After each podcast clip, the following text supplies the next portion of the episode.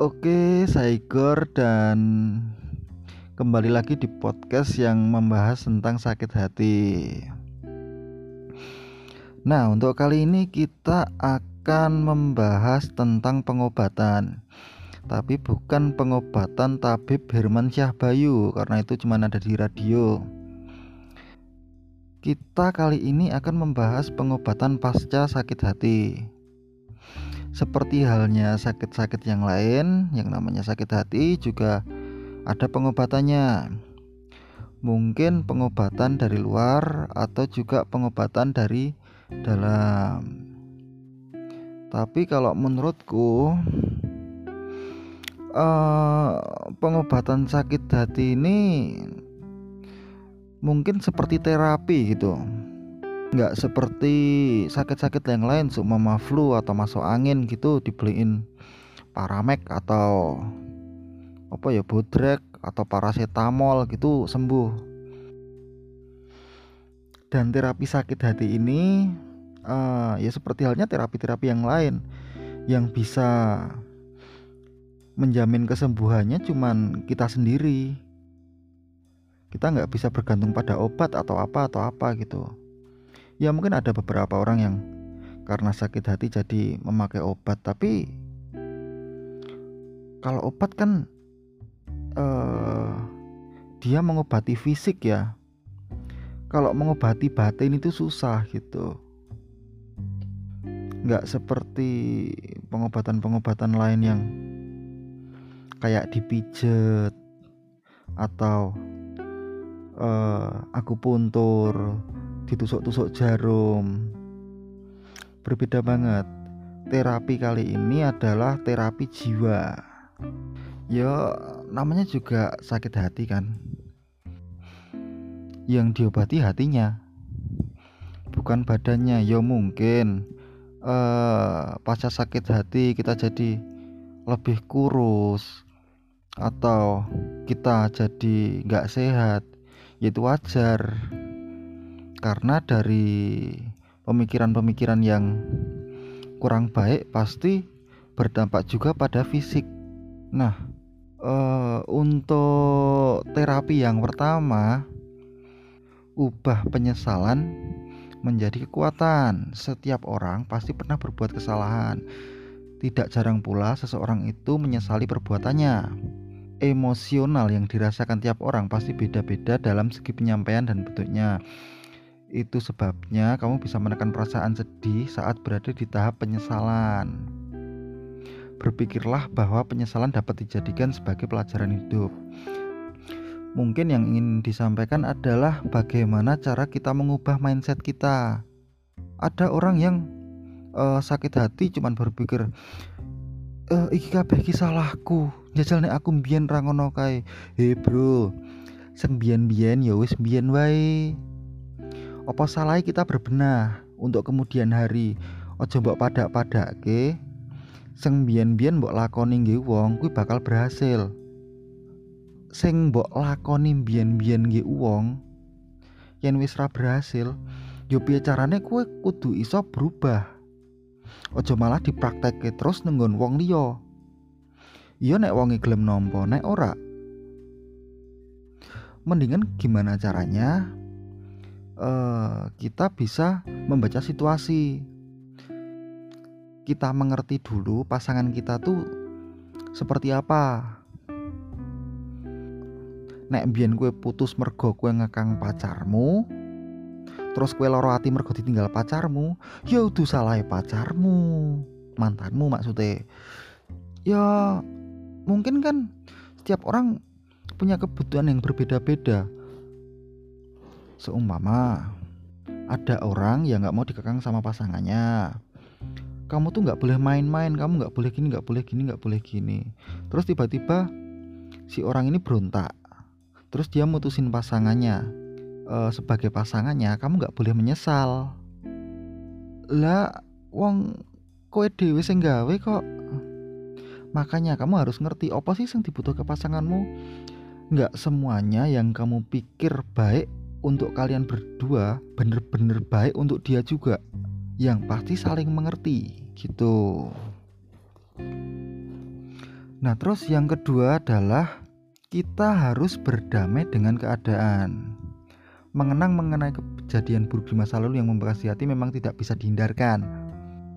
Lalu, apakah dengan terus mengenang masa lalu yang buruk dapat membuat kita sembuh dari luka batin?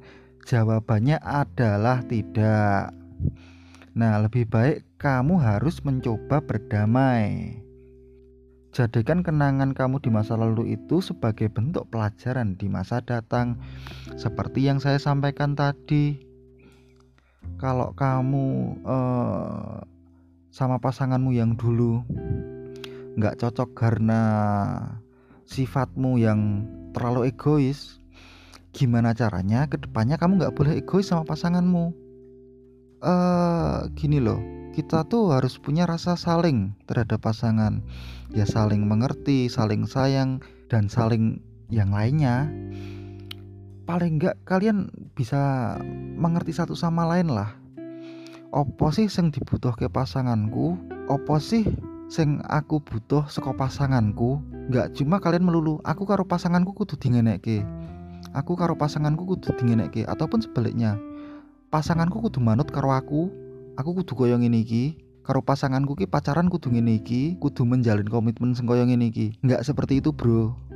Wes to intine gur pasrahke karo sing kuasa yen emang bener-bener kalian uh, sevisi sepemikiran dan kalian cocok pastinya uh, yang maha kuasa sendiri bakal ngasih tanggung jawab komitmen gitu jadi nggak kita berpikir oh aku cocok karo kayak. Enggak ibaratnya gini loh koyo Tuhan ki ngomong wes tak cocok karo kaya nah di situlah Tuhan memberikan kita tanggung jawab untuk menjalin komitmen. Ibaratnya di pasrah anak wong lah kudu iso njogo koyo ngono. Lah tapi nek dari awal kalian udah nggak bisa yo yo wes lepaskan gitu. Rasa maksa ke hal-hal sing menurutmu ora apik lah timbangan engko endingnya gur nol ya ngono lah. Mungkin banyak yang udah pernah mengalami dengan uh, ceritanya sendiri-sendiri gitu. Nah yang ketiga itu adalah bagaimana keresahan sakit hati itu kita itu bisa kita sampaikan. Mungkin untuk orang-orang yang uh, biasa bisa dengan curhat ke teman-teman. Yang penting kalau pas curhat jangan salah pilih teman. Kalau kamu curhat salah pilih teman dilalai sesuatu yang emang bener-bener itu rahasia. Terus kalian salah pilih teman buat curhat, nanti uh, temenmu itu ember ngomongin ke orang-orang lain. Kalian tiba-tiba jadi selebritis yang viral. Kan gak asik gitu. Seumpama kita curhat terus koncomu nyebar-nyebar ke keluargamu padahal keluargamu udah ngerti. Yo masa ke kowe engko nah mungkin buat uh, teman-teman yang punya keresahan seperti itu dan nah mungkin buat teman-teman yang punya keresahan tentang sakit hati dan dia bisa mengolah mungkin bisa dijadikan konten atau kita ubah sudut pandang kita lalu kita maintain untuk menjadi sesuatu yang bisa dinikmati. Seperti contohnya saya. Saya punya keresahan tentang sakit hati ya. Saya bikin podcast tentang sakit hati. Atau kalian uh, punya hobi menulis mungkin. Ya tuangkan aja keresahan-keresahan tentang sakit hati kalian menjadi sebuah tulisan. Entah bikin novel atau cerpen atau tulisan eh, tulisan-tulisan yang lain gitu. Atau bisa dibikin dengan gambar wes toh pokoknya nek kalian punya keresahan-keresahan tentang uh, sakit hati dan kalian pengen menuangkan uh, keresahan kalian dalam suatu karya soalnya menurutku yang namanya sakit hati itu bakal relate. Wes toh bakalan uh, raono wong sing ra bakal loro jadi yo mungkin sakit hati yang uh, kita rasakan bisa dirasakan orang lain juga gitu. Tapi cara mengolah uh, orang beda-beda. Yuki ya mau? Ada yang ditulis ada yang uh, direkam atau dijadikan karya tulis mungkin dijadikan gambar atau lukisan gitu bisa. Tinggal uh, penyampaian kita masing-masing. Nah yang kita butuhin lagi itu adalah me time me time itu menurutku uh, bagaimana cara kita menghabiskan waktu agar tidak melulu kita kebayang-bayang dengan hal-hal yang menyebabkan rasa sakit hati. Contohnya, mabuk tidak dong, haram. Contohnya mungkin kita ketemu teman-teman, kita nongkrong ke kafe, terus uh, selama di kafe kalian nggak membahas uh, sakit hati itu kalian fokus seneng-seneng pokoknya aku meh bebas. Aku saya seran di tanggungan aku kudu piye carane? Iso free saka pemikiran-pemikiranku. Sing dhisik-dhisik sing dhisik-dhisik ya teko buang-buang. Aku saiki fokus uh, seneng-seneng karo kanca-kancaku dhisik. Nah mungkin hal-hal kayak gitu yang emang kita butuhin gitu uh, tapi ya sing mesti jangan sampai karena sakit hati itu me yang kalian lakukan itu malah merusak diri kalian sendiri. Jangan sampai nih kalian sakit hati terus me nya kalian memilih dengan narkoba atau mabuk-mabukan. Ya kui ora me time jenenge kui malah ngerusak awakmu dewe ya me yang aku maksud mungkin ya gimana caranya kita mencurahkan keresahan seperti tadi? Itu bisa bukan malah terus mabuk-mabukan ngentek-entek ke duit sing mesti. Sing kepindho awake dadi sehat ya sini enak sih. Ah, ah. nah terus uh, menurutku yang terakhir ini adalah introspeksi diri. Seperti yang uh, aku jelaskan di awal tadi. Kita harus bisa yo ya bukannya kita sama sekali nggak boleh uh, menengok masa lalu gitu.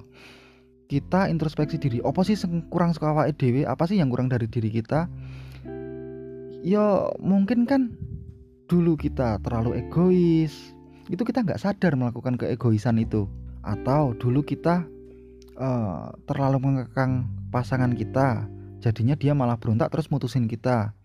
Yo nek kongono kalian introspeksinya adalah dengan kalau kalian punya pasangan lagi yo jangan diulangi. Introspeksi. Yang baik-baik diambil yang jelek-jelek dibuang nggak usah dipakai. Jangan cuma uh, nuruti egomu sendiri. Biar sing tak lakok kiki apik kabeh? Enggak bro. Serius. Sing menurutmu apik? Iku dong mesti nggih pasanganmu apik. Dan terus mungkin yo kita harus kembali lagi ke yang maha kuasa. Ibaratnya yo kita uh, berdoa kita dekatkan diri dengan uh, Tuhan. Curhat karo Tuhan. Tenang aja dia yang ngasih kamu hidup dia juga yang bertanggung jawab apa pun yang terjadi di dunia ini entah tentang kamu atau tentang orang lain. Pokoknya ini berdoa pasrah ke kabeh marang sing kuasa terus engkau pikiranmu mesti bakal ayem gitu Nah, itu adalah hal-hal e, cara kita healing atau pengobatan menurut internet dan e, menurut saya sendiri. Ya mungkin bisa dipraktekkan atau kalau emang nggak cocok sama cara-cara tersebut kalian punya metode sendiri boleh dilakukan atau kalau enggak kalian boleh nge-share masukan-masukan kalian atau DM aja ke at grja underscore gitu uh, oke okay, thank you banget ya buat yang udah dengerin. Uh, pokoknya uh, saran saya jangan ngedrop saat sakit hati ya. Ngedrop ngedrop sedikit rapopo yang penting uh, lebar kita bisa semangat lagi kita bisa uh, melanjutkan kehidupan dengan lebih baik. Oke sekian dari saya. Thank you bye bye